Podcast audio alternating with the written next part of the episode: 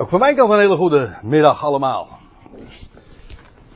En het is uh, mij een groot genoegen om vanmiddag weer eens met u de Bijbel te openen. En dat meen ik. Het gezelschap is wat kleiner dan gewoon. Maar wat maakt dat uit? Het woord wordt er niet minder om, nietwaar? En ik kreeg juist, ik, net voordat ik hier naartoe ging, toen kreeg ik van iemand nog een mailtje en die zei van ja, ik, uh, je zult me voorlopig niet meer in de samenkomsten zien. Want ja, problemen met de rug en dergelijke, maar ze zegt niet getreurd, want ik kan het allemaal online volgen en de studies worden zo geplaatst op het internet. En dat is ook zo. Maar ik moet u zeggen, ik ben toch wel blij dat er toch een aantal nog zijn komen opdagen. En voor de derde keer gaan wij vanmiddag ons bezighouden vanavond met uh, de verbonden. Dat wil zeggen, Paulus en de verbonden. De eerste keer herinnert u zich wellicht dat we wat inleidende dingen daarover hebben gezegd. En hoe Paulus ook in Romein 9 vertelt dat aan Israël, en dat is een van de voorrechten die aan hen zijn toegekend, aan hen, dat is de eredienst, aan hen is de vaderen, aan hen zijn ook de verbonden, wordt dan gezegd. En wat een verbond is, nou over zulke dingen, en met wie ze zo al gesloten worden, en welke verbonden er zo aan de orde zijn in de schrift. Dat is, was het onderwerp van de eerste keer. De vorige keer hebben we ons specifiek bezig gehouden met Romeinen 11.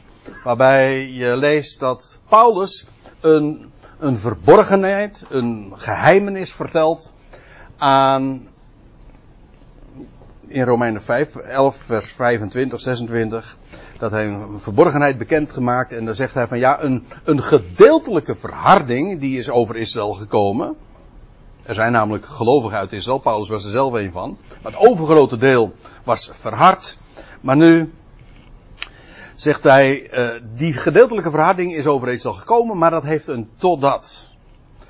En dat, is dat heeft te maken met de volheid van de natieën die in zal gaan.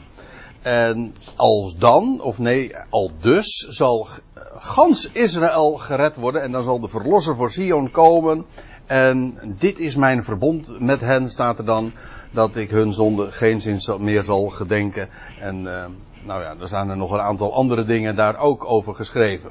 En dan wordt daar heel uitdrukkelijk gezegd dat dat verbond, dat nieuwe verbond dat gesloten wordt, zal worden uh, dat betreft het volk van Israël.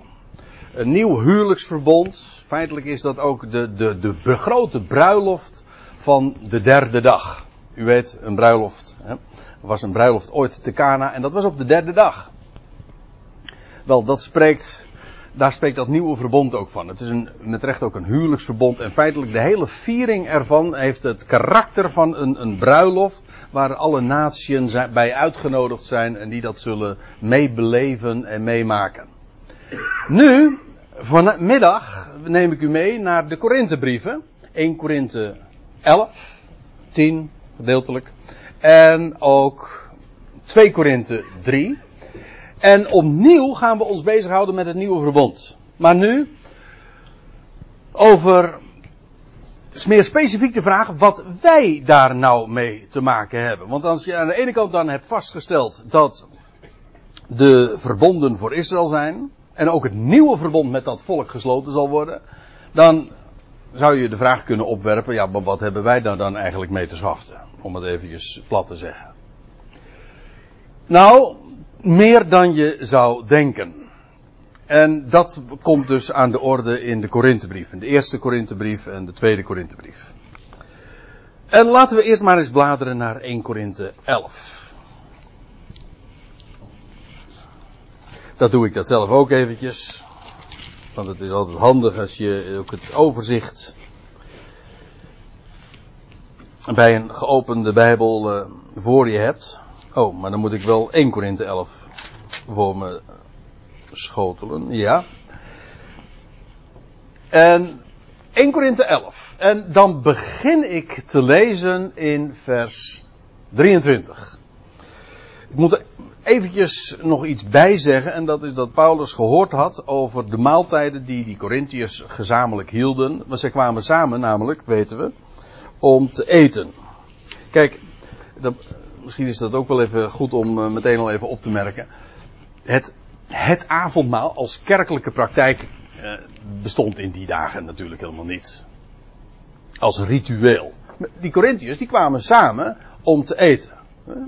En als er één manier is om uh, uit te drukken dat je bij elkaar hoort en om dat te beleven en te vieren, dan is dat juist wel een maaltijd. Hè? Je zit aan één tafel, je eet uit één pot, of je eet van één brood, je drinkt uit één beker of uit één fles, voor mijn part, of uit één kan. Maar in ieder geval, dat is een beleving feitelijk van de eenheid. En niet alleen maar waarbij je gevoed wordt, maar waarbij je ook de vreugde daarin beleeft. Hè? En daar heeft die beker ook alles mee te maken, maar daarover straks meer.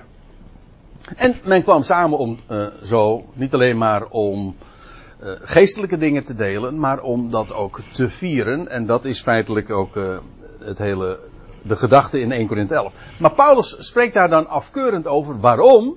Hij zegt, ik heb gehoord dat er bij jullie verdeeldheid is en hij spreekt over de wantoestanden tijdens hun maaltijden. Want de een was dronken en de ander en die zat zich te bezatten en de ander die was daarentegen hongerig en kennelijk namen ze allemaal wat mee bij zulke maaltijden. En er waren hele ongelijke verhoudingen. Eigenlijk was het een godspe. Het was een, uh, uh, wat een viering van eenheid en gemeenschap zou zijn, was eigenlijk een, een aanfluiting, omdat er, e, als er één ding eigenlijk aan het licht trad, was het juist wel de verdeeldheid en de verschillen. En, en wat Paulus dan zegt, en hij gaat hen, wat hij zegt, niet zegt is dat jullie, dat ze niet meer samen zouden komen om, om, die, om met elkaar de maaltijd te houden. Integendeel, hij zegt, blijf dat vooral doen. Als je samenkomt om te eten, hij zegt dat ook in, um, welk vers wat is dat dan? Oh ja, vers 33. Daarom, mijn broeders, als jullie samenkomen om te eten, wacht op elkaar. Nou ja, enzovoorts. Dus dat is het hele idee. Maar hij voegt daar iets aan toe. Wat hij hen trouwens al eerder had uh, verteld. Of wat hij bij deze gelegenheid hen juist nu doorgeeft. Dat, eigenlijk staat het er op die manier. Hij zegt niet zozeer wat ik aan jullie ook heb overgeleverd. Hij zegt het in een tijdloze vorm, een zogenaamde aorist. Hij zegt zelf ontving ik van de Heer. Hij gaat nu iets vertellen wat die maaltijden die zij gezamenlijk hadden, een heel speciaal karakter zou geven. Dat het niet zomaar eten en drinken is, nee, het heeft een diepe, grootse inhoud. En dan doelt hij op iets wat hij hoogst persoonlijk van de Heer zelf heeft vernomen. Want zegt hij, zelf ontving ik van de Heer wat ik ook aan jullie overlever. En ja, nou moet ik er iets bij zeggen, want als u nou een MBG-vertaling hebt, of een staten, nou in de statenvertaling blijf ik even vanaf, dat weet ik niet. Maar in ieder geval in de MBG-vertaling staat, want zelf heb ik bij overlevering van de Heren ontvangen wat ik u weder overgegeven heb. Dus niet, maar dat weder overgegeven heb staat er niet, wat ik aan jullie overlever. Gewoon tijdloos, ongeacht wanneer. Als u mij vraagt, gewoon bij deze gelegenheid. Maar hij zegt zelf ontving ik van de Heer. Niet heb ik van, bij overlevering van de Heer ontvangen. Dat staat er helemaal niet. Ziet u hier ook? In deze tekst. Hier, staat één, hier staan drie lettertjes. Apo. En dat betekent letterlijk, dus gewoon een voorzetsel. Betekent vanaf. En daar heeft de vertaling van gemaakt. De MBG-vertaling in dit geval. Dat ziet u hier in het grijs. Zelf uh, heb ik ontvangen bij overlevering van de Heer. Nee, dat zegt hij niet. Hij zegt ik heb het niet bij overlevering. Want zelf accepteerde of ontving ik van de Heer. Dat is juist niet bij overlevering. Zelf. Hè, de, want ik ontving van de Heer. De nadruk ligt. Ik ontving van wie? Van de Heer. Niet bij overlevering. Rechtstreeks juist. Dat is een heel groot verschil. Toch? Het idee is dus niet dat Paulus dat van, van Lucas heeft vernomen. Sommige mensen hebben dat gezegd. Paulus dat uh, gehoord heeft van Lucas. Dat zou best kunnen. Natuurlijk, het zou best kunnen dat hij uh, dat. Uh, want ja, deze over. de gebeurtenis waar hier, waar Paulus vervolgens aan refereert, is de nacht dat de Heer Jezus werd overgeleverd en dat hij met de zijnen het, het Pesach-maaltijd ook vierde. Nou, natuurlijk, alle, Matthäus, Marcus, Lucas spreken er allemaal over. Die hebben dat beschreven, opgetekend. Dus het kan, dat, dat, dat verhaal heeft ongetwijfeld uh, de, de ronde gedaan. Maar Paulus zegt hier, ik heb het zelf van de Heer vernomen. En waarom dat zo belangrijk is, dat, dat wil ik straks ook laten zien. Het is dus in ieder geval geen overlevering via mensen, maar hij heeft het van de Heer zelf. En dat geeft hij hen nu over. Dat is wat hij hier eigenlijk staat. Ik lever het jullie over. Um, ja, dat is eigenlijk dus een overlevering. Juist in de auto had ik het met mijn broer Dirk, hadden we het nog over de betekenis van het woordje traditie. Ons woord traditie betekent ook overlevering. Hè? Zit in het je herkent het Engelse woord trade er nog in. En dat heeft dus te maken met, met uh, handelen, hè? iets overdragen aan een ander. Dat uh, is niet per definitie negatief natuurlijk. Ik, heb, uh, ik geef toe, als wij zo hier buiten de lege plaats, hier op het industrieterrein van Urk uh, met elkaar de Bijbel openen, dan hebben we de neiging om te zeggen van ja, die overlevering dat is allemaal maar niks. Overleveringen van mensen. Dat klopt trouwens in de meeste gevallen ook wel zo hoor. Maar uh, in, in, principe is overleveren iets wat we allemaal doen. In feite opvoeden is, is ook overleven. Je, je, draagt je kinderen iets over. Je geeft ze iets over. Je geeft ze iets mee. Toch? En ja, wat je ze meegeeft, ja, dat, dat is dus de grote vraag. Geef je ze mee wat, wat, wat er staat geschreven? Of geef je ze mee wat, uh, wat ja, men zegt?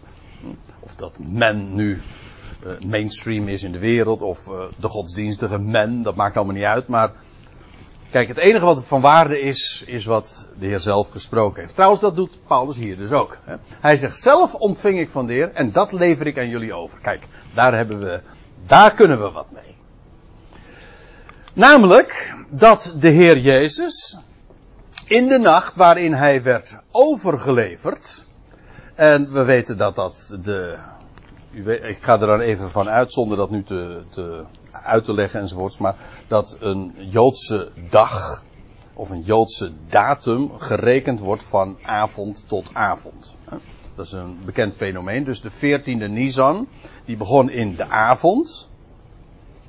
En gedurende de nacht was nog steeds de 14 e Nisan en de dag die erop volgde was ook de 14e Nisan tot zonsondergang dus weer.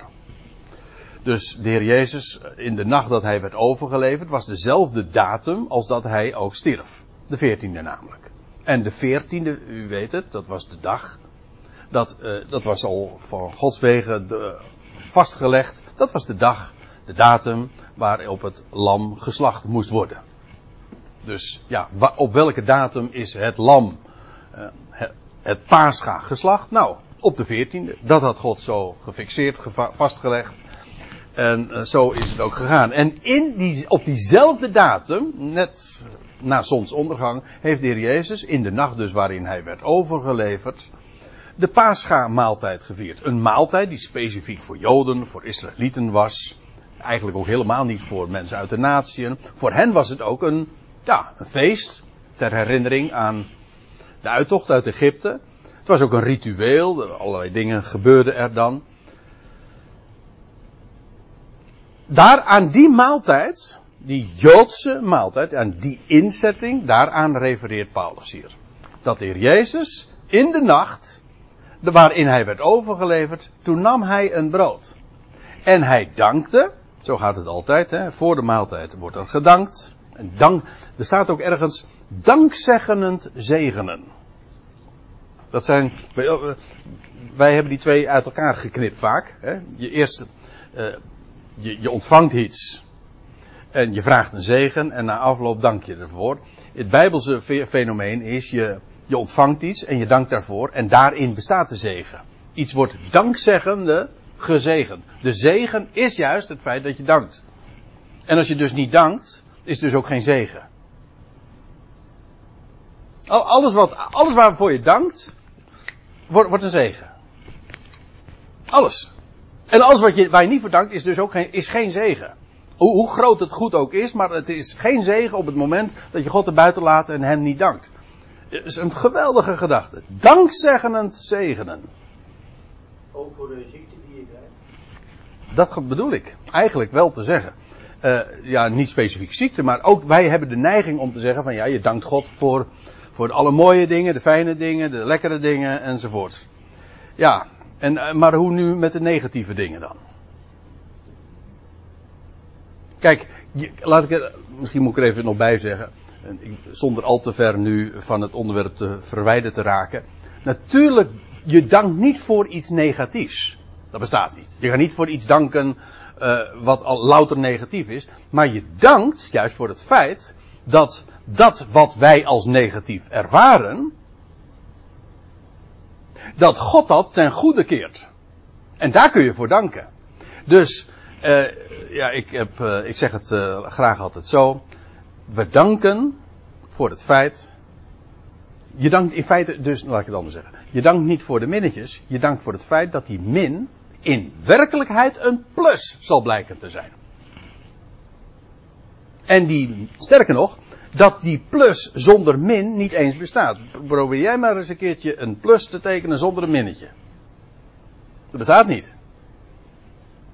In feite, dat, die, dat negatieve, dat kwade is nodig om het positieve uit te werken. Ja, dat is een, dat is een, dat klinkt haast filosofisch, maar er zit zo'n gediepe gedachte. Het goede laat zich niet kennen zonder het kwade. En, maar om even dus op de punt terug te komen van danken voor, ja, God danken in en voor alles. Ja. En dat maakt het tot een zegen. Waarom? Omdat hij alle dingen ten goede keert. Nou, laat ik het daar, laat ik het daar even bij laten. Uh, hij dankte, hij brak het en hij zei: Dit is mijn lichaam. Hey, dit is mijn lichaam. Nee, overigens, ik moet er nog, nog iets bij zeggen. Ik, ik, gaf net even kritiek op de MBG-vertaling. En nu ga ik kritiek op de Statenvertaling geven. Dat, heeft, dat is trouwens een handschriftenkwestie. Want die, dan staat erbij. Uh, in de Statenvertaling. Dat voor u verbroken wordt. Of voor u gebroken wordt. Nou, dat kunt u wel doorkrassen. Dat staat er niet. Dat staat gewoon domweg. Dat is een latere toevoeging. In alle, in alle grote handschriften. De, die er van het Nieuwe Testament zijn, de Alexandrinus, de Vaticanus en de Sinaiticus, daar ontbreekt dat. Er staat, dit is mijn lichaam. Niet dat voor u gebroken wordt, dat lichaam is nooit gebroken. Zelfs het fysieke lichaam van de Heer is nooit gebroken, want geen been van hem werd verbroken. Maar bovendien, dat lichaam, over, waar, waarover heeft de Heer het? Of ja, waarover heeft de Heer het en waarom zegt Paulus dit nou?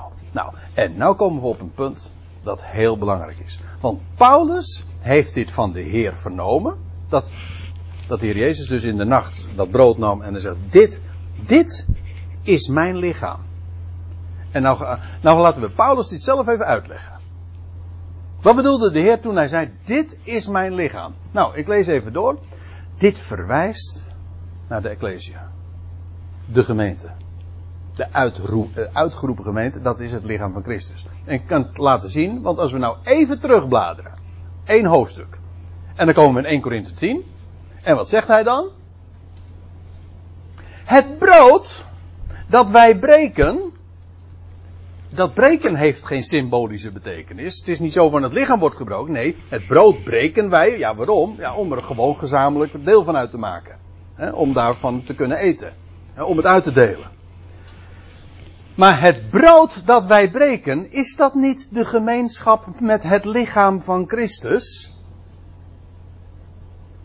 Aha, dus het brood dat spreekt van het feit dat wij dat met elkaar delen, dat spreekt van de eenheid, de gemeenschap dus, van het of met het lichaam van Christus. Want, hoe, hoe bedoelt Paulus dat? Nou, zegt hij in vers 17 dan, want wij, die velen zijn, zijn één brood.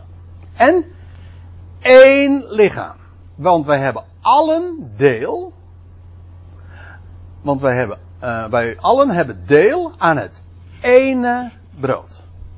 Wat Paulus hier zegt, is dat ene brood. Dat spreekt van het ene lichaam van Christus.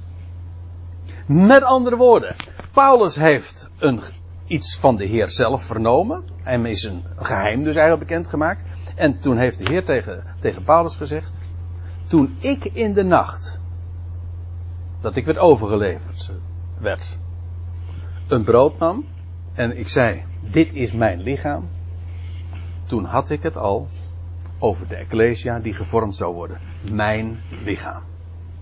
Dus dat is een Israëlitisch feest wat men vierde. Men vierde het Pascha, ja. Maar in de verborgenheid, ik ken, nou begrijp je ook meteen waarom Paulus dat uh, aan Paulus is bekendgemaakt. En dat de Heer het hem zelf heeft verteld. Want Paulus is de apostel toch de, die als enige spreekt over de, de gemeente als lichaam van Christus. Kijk het maar na. Johannes, Petrus, Jacobus hebben het nooit over het lichaam van Christus. Paulus is aan Paulus is die waarheid bekendgemaakt. Maar ook de Heer had daar dus in de nacht dat hij werd overgeleverd al over gesproken. En Paulus zegt dan van nou, ik heb het van de Heer zelf vernomen. Toen hij zei, dit is mijn lichaam, doelde hij op dat ene brood dat wij samen als één lichaam, wij velen, vormen. Dus als wij met elkaar dan maaltijd houden, dat is wat Paulus zegt. Als wij met elkaar maaltijd houden, we delen het, het brood, dan vieren wij, dan denken wij daarbij terug aan hem die ooit in de nacht van zijn sterven al zei van, dit is de eenheid die jullie gaan vormen. Voor mij was dit een enorme eye-opener. Dat de Heer dus in de nacht van zijn sterven al gesproken heeft, in het verborgen, dat is waar. En daarom heeft hij het aan Paulus verteld over de gemeente. En hij dankte, hij brak het en zei: Dit is mijn lichaam. En hij, hij zegt er nog iets bij: Ten behoeve van jullie. Ja, want ik. Kijk, als de Heer zei: van Dit is mijn lichaam, dan ja, kun je dat op twee manieren opvatten. Als je het hebt over het lichaam van Christus, dan kun je denken aan zijn fysieke lichaam, dat in die nacht of in die, op diezelfde datum nog uh, geslacht zou worden. Hij zou sterven aan het kruis. Dat hij in diezelfde dagen, hè, drie dagen later, zou opgewekt worden uit de dood. Maar het lichaam van Christus is ook dat lichaam wat wij samen vormen. Dat is juist de geweldige waarheid van die, die Paulus in zijn brieven uiteenzet. Dus hoe je het lichaam van Christus ook opvat, namelijk als het fysieke lichaam dat opgewekt is uit de doden, of als het lichaam dat wij samen vormen, hij het hoofd en wij als Ecclesia het lichaam, in beide gevallen spreekt dat brood daarvan. En het is ten behoeve van jullie en Paulus. En dan, toen had de Heer ook gezegd: Doe dit tot mijn gedachtenis.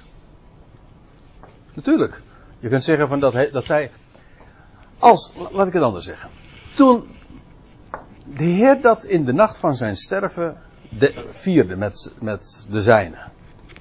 Zou je daar nooit de gedachte uit uh, kunnen opmaken van, oh, dat is een, uh, een, traditie die hij nu inzet en voortaan mijn volgelingen moeten dit altijd doen. Helemaal niet. Hij vierde een feest, hij vierde het paascha, het, hij nam een stukje brood en hij zegt van, denk daarbij aan mij. Hij, hij de, de Heer stelde niet een nieuwe maaltijd in of zo. Hij vierde een bestaande maaltijd. Altijd op één datum per jaar. En hij, gaf een nieuwe betekenis aan, de, aan zowel het brood als aan de beker. Hij gaf daar een, een, nieuwe betekenis, een nieuwe inhoud aan. Maar hij, vierde, hij stelde niet een nieuwe maaltijd in. Hij vierde een bestaande Israëlitische maaltijd. Maar waarom zegt Paulus dit nu? Wel, hij zegt, als jullie nu bij elkaar komen om te eten dan vieren jullie geen ritueel van iets wat je zoveel keer per maand of per jaar of één keer per jaar moet doen. Nee, helemaal niet. Maar denk dan eens terug aan die nacht dat de Heer werd overgeleverd. En toen hij zei van doe dit tot mijn gedachtenis. Om uh, dus uh, ja, aan, aan mij daarbij te denken. En hij, feitelijk zegt hij, doet de, de Heer dacht toen al aan jullie al. Namelijk de gemeente. Dat ene lichaam. Ziet u, eigenlijk wat ik ermee wil zeggen is, in de nacht van zijn sterven heeft de Heer al gesproken over dat wat later pas aan Paulus bekendgemaakt werd. Namelijk de vorming van het lichaam van Christus. De gemeente. De Ecclesia. Een geheimenis aan Paulus bekendgemaakt.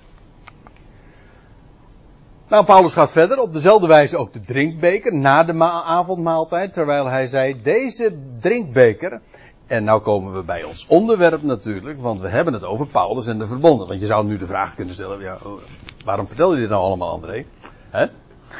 Ja, natuurlijk, die vraag wordt wel eens vaker gesteld. Maar goed, ik moet eventjes een, even context geven. Deze drinkbeker is het nieuwe verbond in mijn bloed. Dus, daar was een beker. Trouwens, bij die, eh, bij die maaltijd werden er verschillende, gingen er verschillende bekers rond. En nou zegt de Heer, dit is deze beker, deze drinkbeker, gevuld met wijn, is het nieuwe verbond, stelt het nieuwe verbond voor in mijn bloed. En wat is er zo bijzonder aan zijn bloed? Nou, laten we. Ik ga eens even met u naar Hebreeën 13. Komt de Hebreeënbrief toch nog aan de orde in verband met onze bespreking? Want Paulus zegt daar. Nou, ja, ja, ik zeg Paulus, dat is geen verspreking, maar goed. Uh, de schrijver van de Hebreeënbrief zegt daar: De God nu van de vrede, die omhoog bracht vanuit de doden de grote herder van de schapen in bloed van een Ionisch, een eeuwig verbond, de Heer van ons, Jezus. hey, hier wordt gesproken over bloed van een eeuwig verbond. En wat is dat bloed van het Ionisch verbond? Wel, dat is het feit dat de grote herder van de schapen, namelijk onze Heer, Jezus, werd omhoog gebracht vanuit de doden. Het idee is trouwens dat bij dat omhoog brengen, dat van een offer. Hetzelfde woord wordt ook elders gebruikt als het gaat om, om, om een offer dat opstijgt. Weet je trouwens ook meteen dat offers spreken van de opstanding. En niet zoals altijd gezegd wordt en gedacht van offers spreken van het sterven van de Heer. Dat is niet waar. Een dier werd geslacht. Dat spreekt van het sterven van Jezus Christus. Maar het feit dat dat uh, dier dat geslacht was vervolgens opsteeg op het altaar, eerst verhoogd werd en opsteeg, goden tot een liefelijke reuk. Dat spreekt niet van de dood, dat spreekt van opstanding vanuit de doden en dat hij verrees, oprees, omhoog. En dat is voor God de liefelijke reuk. En dat bloed van het nieuwe verbond, die drinkbeker, ja, waar spreekt dat van? Nou, spreekt van zijn bloed. En mensen denken dan meteen, nogmaals, meestal bij bloed altijd aan sterven. Maar in de Bijbel niet. Het bijzondere van het bloed van Christus is dat hij stierf, jawel, maar dat hij stierf om op te staan uit de dood. En daar spreekt dat bloed van. Uh, nog even dit. De Heer had er nog bij gezegd: uh, Doe dit. Uh, zo vaak als jullie die zou. Of, nou, het is trouwens nog maar de vraag of dit woorden zijn van Paulus of van de Heer zelf. Hè, wat hij dus heeft meegekregen, of is dit de conclusie van Paulus? Hoe dan ook, staat geschreven, uh, doe dit zo vaak als jullie die zouden drinken tot mijn gedachtenis. Met andere woorden, als jullie bij elkaar zijn en jullie hebben maaltijd, vier dan die eenheid. Niet als een ritueel, maar vier die eenheid die je samen vormt. Eén lichaam. En als dan de, en als bink, de, de drinkbeker rondgaat, Nogmaals, geen rituelen. Wij kennen helemaal geen rituelen. Het lichaam van Christus vandaag kent geen rituelen. Wat wij doen, wat we wel kennen, is vieringen. Hè, en gezamenlijke maaltijden.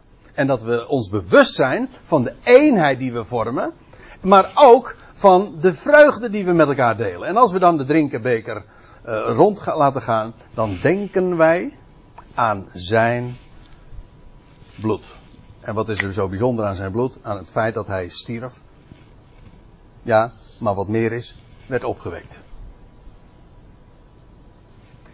En dat nieuwe verbond wat daarin feitelijk werd ingewijd. Het feit dat de Heer Jezus toen, in het verleden, stierf en opstond uit de doden, dat is zijn bloed. Dat is de garantie dat het nieuwe verbond straks met Israël gesloten zal worden. En dat waarin leven zal heersen. Waarin geen uh, veroordeling meer is. Ik kom er straks nog even uh, op terug. Waarin we. Ja, dat, daar hebben we het al over gehad. Hè? Over, uh, als, als het nieuwe verbond wordt aangekondigd in het boek Jeremia. Dan is het niet meer jullie moeten, jullie en jullie mogen niet. Het, is al, het, is, het zijn louter beloften van wat God gaat doen. Niets, ik bedoel, niets hangt ook nog maar af van de mens. Ook straks van Israël niet. En nu even de vraag. Uh, wat hebben wij met dat nieuwe verbond te maken? Wordt het verbond met ons gesloten? Antwoord. Nee. Dat verbond wordt met Israël gesloten. Hebben wij daar niks mee te maken? Ja, wel, wel, wel degelijk. Wij, wij delen de zegeningen met Israël van het nieuwe verbond straks. Dezelfde zegeningen die Israël straks zal krijgen, die hebben wij ook. Nu al. Vandaag al. van het feit dat wij leven uit de belofte. En wij drinken, wij, wij plukken, laat ik het anders zeggen. Wij plukken nu al de vruchten, dezelfde vruchten die Israël zal, zal plukken straks bij wanneer het nieuwe verbond voor hen gesloten gaat worden. Wij al in een eerder stadium. Niet omdat er een verbond met ons gesloten wordt. Feitelijk had Paulus dat al gezegd. Hij zegt, waarom wordt er geen verbond met ons gesloten? Het antwoord is, verbonden worden gesloten met, met, een, met volkeren, met geslachten, met generaties, met families. Het huis van Jacob, nieuw verbond ook, maakt erop geen uitzondering. En, maar wij staan niet in een verbondsrelatie, wij staan in een organische relatie tot onze Heer. Wij zijn zijn lichaam. En dat is zo belangrijk. Er zijn vele overeenkomsten die Israël straks zal gaan beleven. Onder het nieuwe verbond. En de zegeningen die wij vandaag al mogen kennen. Er zijn vele overeenkomsten. Wij plukken in feite van, al van dezelfde vruchten. Feitelijk van de eerste vruchten. Maar niet omdat, omdat de Heer met ons een nieuw verbond gesloten heeft. Wij zijn namelijk zijn lichaam. En dat, dan is het buiten de orde. Een, een, een, een bruidegoms sluit een verbond met de bruid. Dat is een hele nauwe eenheid. Jawel. Maar een hoofd sluit geen, mijn hoofd sluit geen verbond met het lichaam. Daar is, er, er, dat lichaam bestaat niet eens zonder dat het hoofd er is. Ik bedoel, die zijn onlosmakelijk aan elkaar verbonden. Dat is, dit is geen verbondsrelatie tussen hoofd en lichaam. Dat is een organische, onlosmakelijke relatie. Daarom wij hebben geen nieuw verbond, maar de zegeningen en de drinkbeker van dat nieuwe verbond, ja, daar drinken wij ook al van. Ik hoop dat u dat, uh, dat verschil goed ziet. Ik denk dat het van groot belang is.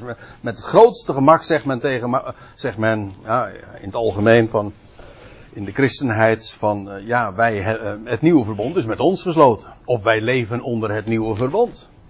Nee. Dat nieuwe verbond wordt straks gesloten. Het is al ingewijd. Namelijk in de dood en opstanding. Daar is de grond gelegd voor dat nieuwe verbond. Wij staan op die grond. Wij plukken de zegeningen van dat nieuwe verbond. Maar het nieuwe verbond zelf, dat wordt in de toekomst gesloten. En dan zegt Paulus er nog bij, zo vaak als jullie dit brood zouden eten en de drinkbeker zouden drinken. Dus zo vaak jullie eten met elkaar. En dat vieren.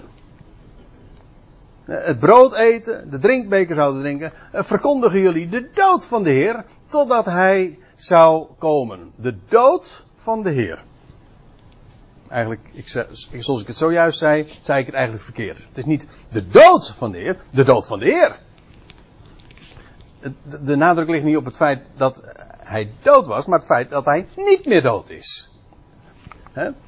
Wij verkondigen door dat brood te delen, dan denken wij namelijk aan zijn lichaam, dat wij samen vormen, maar we denken ook aan zijn lichaam dat verrees uit het graf.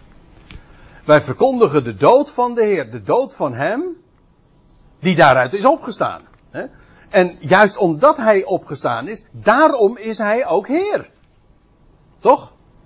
Je leest dat, ik heb er expres even twee teksten bij genomen waar het heel duidelijk ook staat. God heeft hem door zijn opstanding, eh, God heeft door de opstanding Jezus tot Heer gemaakt. Dus als wij de dood van de Heer verkondigen, dan verkondigen wij de dood van Hem die nu leeft. Of we, oftewel, we verkondigen de dood, of we verkondigen Hem die dood geweest is. Dat is het bijzondere van zijn dood. En omdat hij dood geweest is, kan hij, is hij nu Heer. En bovendien, uh, daarom kan hij ook terugkeren. Vandaar ook dat er staat, zo, zo, zo vaak jullie dat maar doen, verkondigen jullie de dood van de Heer. Totdat hij zou komen. Ja, alleen omdat hij is opgestaan uit de dood en dat hij niet meer dood is, dat hij de dood overwonnen heeft, ja, dan valt er wat te vieren natuurlijk. En daarom, omdat hij niet meer dood is, kan hij ook terugkeren. Als hij nog steeds dood zou zijn, kan hij niet meer terugkomen. He, kunnen we, hebben we geen verwachting meer ook. Dus, de nadruk ligt niet op het feit dat, uh, op de dood. Heel veel mensen, u weet het, degene die, uh, voor, voor wie avondmaal een, een viering is, nou ja, uh, een ritueel, laat ik het anders zeggen. Een, men noemt het een viering, maar ik, als ik meestal standaard kijk en ik heb de herinnering nog eigenlijk op mijn netvlies staan van, uh, van die vieringen. Er waren helemaal geen vieringen. A, zoals er over gesproken werd, men werd van te, een week van tevoren hadden, had men, ik praat nu vanuit mijn Calvinistische achtergrond, hè, had men de voorbereiding op het heilig avondmaal. Nou, dat was geen viering hoor. Echt, dat kan ik u wel vertellen. Men, misschien, misschien noemde men het een viering. Maar je werd, waar moest je dan vooral die week mee, bij stilstaan? Ja, u weet het hè. Je zonden, precies. Uh, hoezo uh, tot mijn gedachtenis? Weet je wat, wat, wat vooral aan gedacht werd? Aan je zonden. Waarom je eigenlijk niet deugde. En je moest jezelf beproeven of je waardig was ook volkomen. En natuurlijk hebben ze daar wel een tekst voor, want dus Paulus zegt toch van dat je waardig moet eten. En, en, daarmee, en men legt dat dan zo uit van, ja, wacht even, als, alleen als je genoeg je zonden hebt overdacht en, en daar een, een punt achter gezet hebt, dan ben je waardig om te eten. Nou, al, ik denk, iemand die dan goed voorbereidt, die laat wel uit zijn hoofd om ooit überhaupt nog een keertje aan te gaan naar de maaltijd. Als je, maar goed, als je grondig genoeg voorbereidt, dan ga, ga, je niet aan. En trouwens, er zijn kerkgemeenschappen waar het uh, inderdaad zo benadrukt wordt. En waar ook inderdaad geen hond aan het avondmaal gaat. En in die zin hebben ze nog gelijk ook. Ik zeg, in die zin hebben ze nog gelijk ook. Ja. Maar dat, is geen, dat zijn geen vieringen. Een mens wordt feitelijk helemaal teruggeworpen op zichzelf. En men, het is, het is droefheid. Men denkt alleen maar aan sterven. De dood die men zelf waardig is. En terwijl die drinkbeker, waar, waar, waar Paulus hierover spreekt, ja, dat is een, een drinkbeker die gevuld is met wijn. Dat spreekt van opstandingsleven.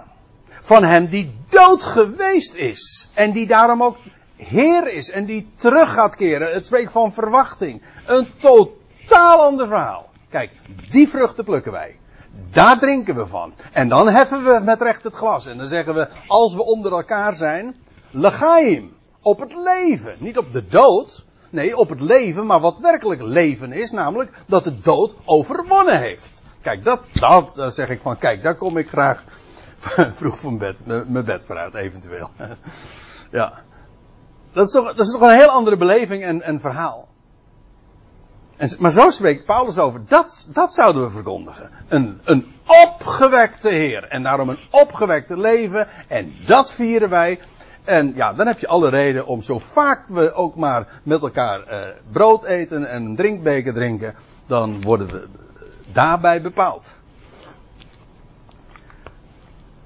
Ja, eh, om nog eventjes terug te komen op, uh, op de inhoud van die drinkbeker. Hè, voorstelling van het nieuwe verbond.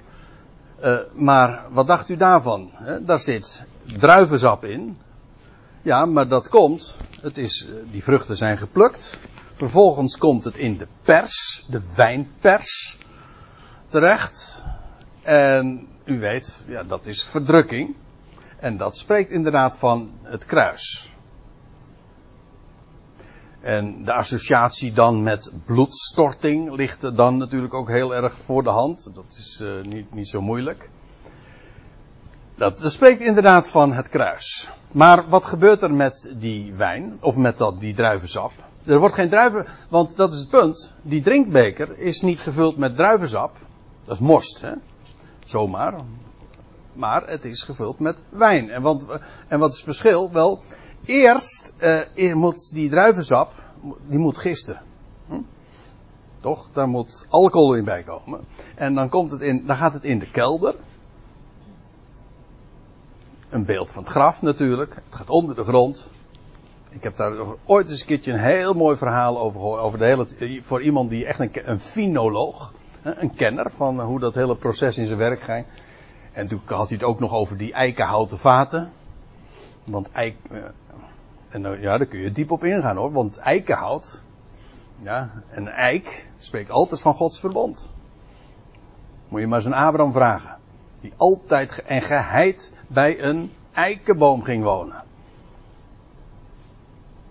Het heeft trouwens ook nog weer alles te maken met het teken van de besnijdenis. Over het wegnemen van de bedekking. En wat dan vrijkomt. De vrucht van de eik. Ik zeg het maar heel erg uh, netjes, hè. Maar goed, dan komt het in het, uh, dan komt het feitelijk in het graf. Dat die druivensap komt in het graf. En vervolgens, na verloop van tijd, komt het uit het graf. Ja, en dan is het geestrijk vocht geworden. Geestrijk en verheugend. Hè, wat het hart van de mensen en van God verheugt. En dat spreekt inderdaad van leven, lechaim, niet toch? En dat zeggen we dan op het leven. Die, die drinkbeker van het nieuwe verbond heeft alles te maken met de dood. Jawel, maar dan wel de dood die is overwonnen. En feitelijk is dat ook de essentie van het nieuwe verbond straks. Als God een nieuw verbond zal sluiten op de derde dag. En Israël uit de dood, als uit de dood zal opstaan. Ja, dan zal dat nieuwe verbond met hen worden gesloten. En dat is, spreekt van Pasen, dat spreekt van opstandingsleven. En die drinkbeker wij, die wij nu al opheffen, want wij vieren het feest nu al. Ja, waarom niet? Reden genoeg om te vieren hoor. En eh, het is toch prachtig als we bij elkaar zijn. Niet als, nogmaals, niet als ritueel. Maar als we bij elkaar zijn en we eten met elkaar. Doe dat, want je beleeft daardoor de gemeenschap. Maar denk dan vooral ook aan de eenheid die we samen vormen als lichaam. En aan de, aan de vreugde en het opstandingsleven. Waar die drinkbeker een embleem van is. Ja, dan wil ik ook nog even naar 2 Korinthe 3. Want ook daar spreekt Paulus over uh, dat nieuwe verbond.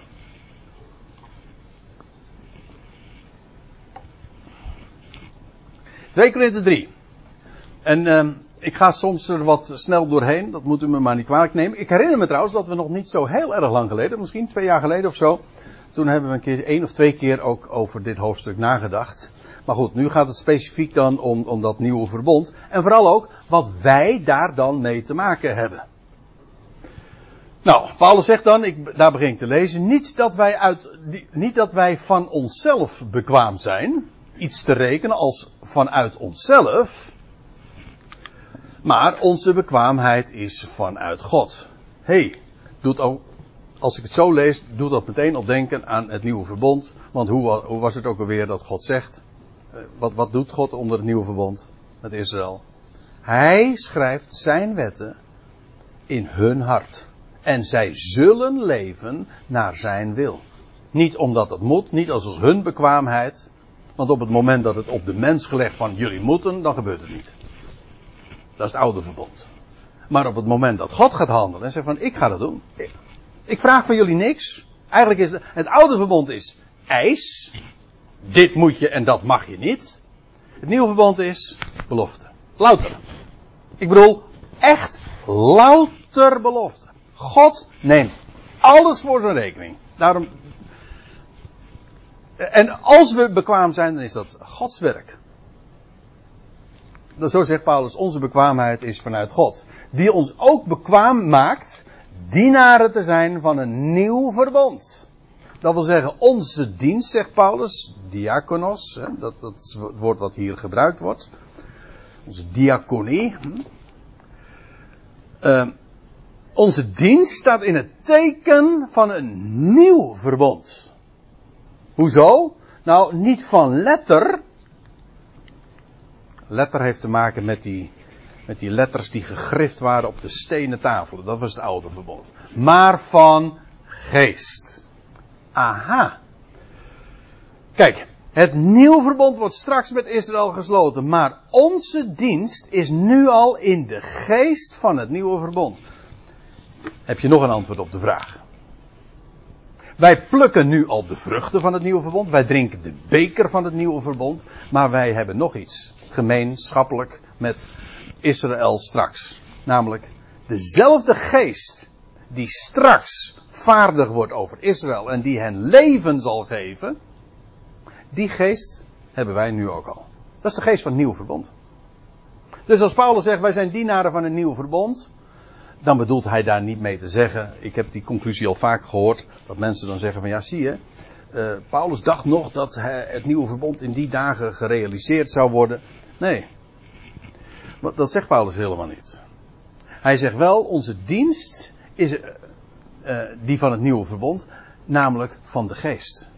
De geest van het nieuwe verbond. Wel, dat is de geest die vandaag ook vaardig is. Die ons bekwaam maakt die ons leven geeft. Maar wat dacht je, wat? Als ik zeg geest, dan zeg ik leven. Toch? Geest is leven. Gewoon een synoniem daarvoor.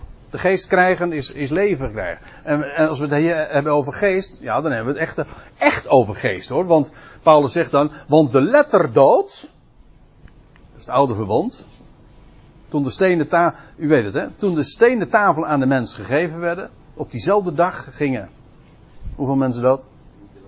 3000, ja. Hetzelfde toen op de Pinksterdag, toen werd de geest gegeven. En wat gebeurde toen? Toen ook Israël trouwens. Toen kwamen er 3000 tot leven. Ja. ja. Paulus zegt, de letter dood. Oude verbond is, het meest karakteristieke daarvan is dood. En veroordeling trouwens, maar dat is volgende vers. De letter dood, maar de geest maakt levend. Aha. De levend makende geest. Maar die kennen we ook al. Want Paulus had in de eerste brief gesproken, 1 Korinthe 15, over die levendmakende geest. En wie is dat? Het staat er gewoon letterlijk, 1 Korinthe 15 vers 45. De eerste, de eerste Adam was uit de aarde aards en werd een levende ziel. De laatste Adam een levendmakende geest. Levendmakend. Dus het spreekt van de laatste Adam. Hij die de hele mensheid omsluit en die heel de mensheid leven gaat geven. Puur om niet. De letterdood, als, als je het hebt over de vraag van ja, wat de mens moet doen. Eisen en dergelijke, gewoon waar religie altijd over uit bestaat. In de auto hadden we het daar ook nog over. Ja, wij bespreken in de auto hier op weg, heen op weg altijd hele boeiende dingen hoor. Alleen daarom zouden we al, zou ik al graag naar Urk gaan. Alleen die reis duurt dat zo kort, hè. maar uh, toen hadden we het even over, over hoe dingen uh, op het moment dat je iets uh, oplegt aan de mens, dan dat, dat werkt averechts. Dat, werkt in de, dat is in de opvoeding, u weet het allemaal natuurlijk zo. Dan, dan uh, roept dat juist weerstand op. Maar uh, dat is karakteristiek voor, uh, voor religie. Maar het karakteristiek voor het, voor, een, voor het evangelie, het goede bericht is: God geeft. Hij eist niet, hij geeft. En hij doet en hij belooft en hij vervult het zelf. Allemaal. En voor wie? Nou, voor iedereen. Want de levendmakende geest, dat is de laatste Adam. En zoals in Adam alle mensen sterven. U weet het, hem was een gebod opgelegd. En dan weet je meteen al dat het fout gaat. Ja, dat wil zeggen voor Adam, niet voor God hoor. De prikkel van de dood. Nee, de prikkel van de zonde is de wet, zegt de Bijbel. Dus toen Adam de wet gegeven werd, ja, toen Zo kwam de dood in de mensenwereld. Maar dat is Adam. En, en, en via Adam, de hele mensheid is veroordeeld om sterveling te zijn. En nu kwam die, is die daar die laatste Adam. En in hem staat leven. Garant. En hij staat garant dat heel de mensheid zal delen in het leven dat hij 2000 jaar geleden aan het licht bracht toen de steen werd weggewenteld. De laatste Adam. Hij is de levendmakende geest. En die geest, dat is ook de geest van het nieuwe verbond, ja, die is ook ons, over ons vaardig en die maakt ons nu ook bekwaam. Dus tenminste deze, dat nieuwe verbond kent. Maar ik, ik vrees dat uh, de boodschap meestal niet die van de levendmakende geest is, maar altijd van letter. Die doodmaakt en veroordeelt. Indien echt, Paulus zegt dan in vers 7, indien echter de, bediening van de dood, de bediening van de dood, wat bedoelt hij daarmee? Nou, gebeiteld in stenen. Aha, dan heeft hij dus over die stenen tafel? Gegrift in letters ge, uh, gegrift, ja, op stenen. Dat was een, toen God dat gaf, dat was een bediening van dood. Maar Paulus zegt erbij, het, die kwam toen ooit wel in heerlijkheid hoor, da, daar niet van. Maar als Paulus zegt, indien nu de bediening van de dood, gebeiteld in stenen, kwam in heerlijkheid. Hè, zodat de zonen van Israël niet de blik konden vestigen in het gezicht van Mozes. Dat, was een enorme heerlijkheid. Waarom? Nou, vanwege de heerlijkheid van zijn gezicht, hè, die buiten werking gesteld werd. Dat was, daar, daar hebben we het ooit een keer uitgebreid over gehad. Dat is dus niet dat ze niet die lichtglans konden verdragen. Nee, het was namelijk zo dat als Mozes gesproken had, toen verdween weer de heerlijkheid van zijn lichtglans. Van zijn, van, van zijn gezicht, van zijn gelaat. En dat mochten ze niet zien. Ze mochten niet zien dat het, verdwijnen, dat het verdwijnende heerlijkheid was. Ze zouden hun blik niet werpen op het einde van wat er niet gedaan wordt. Afijn. Uh, even terzijde. Dat was zomaar even terzijde. Als nu al die bediening van uh, de bediening van dood. Op, gegrift in stenen tafelen. Als die al gepaard ging met heerlijkheid. Dat de zonen van Israël niet hun blik daarop gericht konden houden. Hoe zal niet veel eer de bediening van de geest. Oftewel het leven in heerlijkheid zijn. Wauw. Als het ene al heerlijkheid was, hoeveel te meer moet dat andere in heerlijkheid zijn? Of zoals een vers later dan gezegd wordt, de bediening van, het is de bediening van de rechtvaardigheid. Het ene was de bediening van veroordeling en daarmee ook van veroordeeld om te, om te, te sterven. En dit is geen, ja, er wordt niks geëist, er wordt gegeven. En wat wordt er gegeven? Rechtvaardigheid. En die is overvloedig in heerlijkheid. Ja, de, in de laatste Adam, beste mensen, en dat is eigenlijk het evangelie, in de laatste Adam is absoluut gegarandeerd dat heel de mensheid gerechtvaardigd wordt en leven zal ontvangen. Dat is de garantie. Niemand uitgezonderd. En ik weet dat de mensen kunnen die, die heerlijkheid ook niet verdragen. Maar dat is de boodschap. En dat is zo'n gigantische kracht God. Die is overvloedig in heerlijkheid. Het spreekt van leven. Het spreekt van rechtvaardigheid. Die overvloedig is in heerlijkheid. Om niet gerechtvaardigd.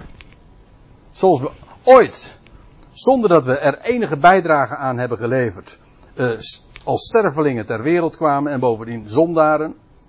Hebt u ervoor gekozen? Hebt u er iets aan gedaan? Kon u er iets tegen doen? Nee. Het is gewoon een gegeven. Zo is dit een gegeven dat vanwege de laatste Adam, het, vanwege die ene daad, het feit dat hij stierf en God hem opwekte uit de doden, vanwege dat feit is het leven gegarandeerd voor heel de mensheid. Ja, maar je moet het wel geloven. Precies. En dat, en dat doen wij dan ook. en daar ben ik zo blij mee. En ik zeg, vertel het door mensen. Vertel het door. Het ene gelooft men wel. Ja, dat geloven ze wel, ja. Ja. Ja. Ja, dan le ik lees nog eventjes verder. Uh, ik, uh, ik, maak het, uh, ik zal het kort houden. Paulus gaat dan even verder. Ik spring nu even oh, een paar versen verder. Dan zegt maar de gedachten van hen, het volk van Israël, werden verhard. Tot op de dag van vandaag, zegt Paulus. Tot op de dag van vandaag blijft diezelfde bedekking op de lezing van het oude verbond. Ze lezen het wel, maar ze begrijpen het niet. En waarom? Wel, zonder weggenomen te worden. Die bedekking wordt niet weggenomen, omdat zij in Christus buiten werking gesteld wordt. In hem die opgestaan is ter rechtvaardiging en die het leven geeft. Dus, men is, men houdt zich bezig, men is expert, men weet alles van die wetten, maar het leven, de echte betekenis ontgaat men. Waarom? Wel, al die schrift spreekt van Christus. Alles. En als je dat ontgaat, ja, dan ontgaat je gewoon de hele, de hele, hele kloof van het verhaal. Maar tot vandaag, zodra Mozes ook maar wordt voorgelezen, ligt een bedekking op het hart van hen. En Paulus spreekt hier over het volk van Israël, maar het geldt feitelijk voor iedereen die zich onder diezelfde letter stelt. En eigenlijk overal waar, als je het heel breed neemt, gewoon waar religie gepraktiseerd wordt. Waar letters, waar eisen gesteld worden aan de mens. Dit moet men en dat mag, mag men niet. En dan komt er een bedekking op het hart. Dan zie je niet meer waar het over gaat. Dan heb je ook geen, geen, geen dan heb je een bedekking. En dan is daar veroordeling. En dan is daar dood. Zodra echter het zou omkeren naar de Heer. Niet zoals de MBG-vertaling zegt, uh, maar wanneer iemand zich heeft bekeerd, alsof dat een individuele kwestie is. Nee, zodra het zich, namelijk het volk Israël, dat nu bedekt is, zodra het zou omkeren naar de Heer, dat, dat moment komt, dan keert men, dan worden ze omgekeerd. Wel, dat is Israëls nationale bekering. De derde dag. De derde millennium. Dan, dan wordt de bedekking weggenomen. Dat wil zeggen van veroordeling en dood. Uh, dat is die bedekking. Hè? Ja, er zijn vele voorbeelden. Ik, ik, uh, ik ga daar niet op in. De Emmausgangers. Die ook hun, hun ogen werden geopend. Staat er. En de schriften gingen open. Het graf was open gegaan. Alles ging open. Op het moment dat de schriften voor hen open gingen. En dan gingen ze ontdekken wie het, waar het werkelijk over gaat. Namelijk over opstandingsleven. Ja, ik geef deze voorbeelden allemaal. Uh, de omslagdoek van Rut. u weet het, ze had een doek, eh, een bedekking op en die, die mocht ze afdoen. En dan wat doet Boas dan? De man uit Bethlehem, die vermogende man uit Bethlehem, wel, die geeft uh, daar gerst voor in de plaats. De bedekking wordt weggenomen en wat krijgt ze ervoor in de plaats? Gerst. Een beeld van het brood des levens. En wat dacht je van het teken van de besnijdenis? We hadden het er al over. Dat de vrucht van de eik zichtbaar gemaakt wordt, maar feitelijk wordt er een bedekking weggenomen. Al die rituelen, dat is het mooie, hè? Al die rituelen spreken er al van. Die spreken van, dat zijn schaduwen, op zichzelf duister. Maar het, het, het verraad licht. Dat is wat een schaduw toch altijd doet. Een schaduw is duister, maar het verraad licht. Want zonder licht heb je geen, duister, geen schaduw, toch? Nou, al die schaduwen spreken uh, daarvan over die bedekking die wordt weggenomen. Dat nieuwe verbond, haha, dat was dus de laatste dia. Het nieuwe verbond dat straks met Israël gesloten wordt. Jawel. En wij plukken daar nu al de vruchten van. Wij als lichaam van Christus, die geen verbondsrelatie hebben met Hem, maar wij zijn hoofd en lichaam samen. En dat vieren wij en dat beleven wij en dat mogen we elke dag beleven. En het is het mooiste, het grootste, het rijkste wat er bestaat. Zullen we daarbij laten voor vanmiddag.